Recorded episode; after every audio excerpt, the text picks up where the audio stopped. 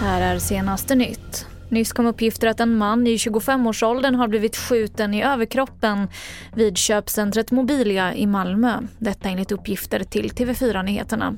Skadeläget är ännu oklart men han har förts till sjukhus med ambulans. Enligt uppgifter har en ensam gärningsman lämnat platsen springande med pistol i handen. Insatsstyrkan och flera polispatruller söker efter gärningsmannen. Statsminister Ulf Kristersson bjuder med anledning av våldsvågen i samhället in alla riksdagens partiledare till Nationella säkerhetsrådets möte på torsdag nästa vecka. Med på mötet är också polisen och andra brottsbekämpande myndigheter. Vi hör statsminister Ulf Kristersson.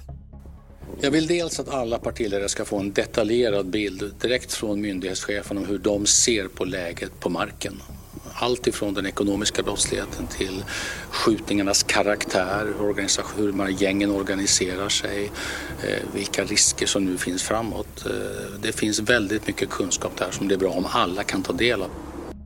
Idag offentliggjordes årets nobelpristagare i fysik. Tre personer får dela på priset.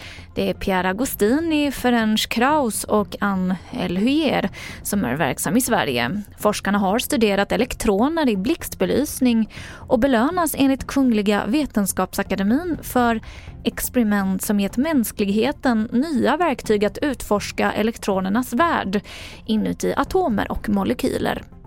Mer nyheter på tv4.se. Jag heter Emily Olsson.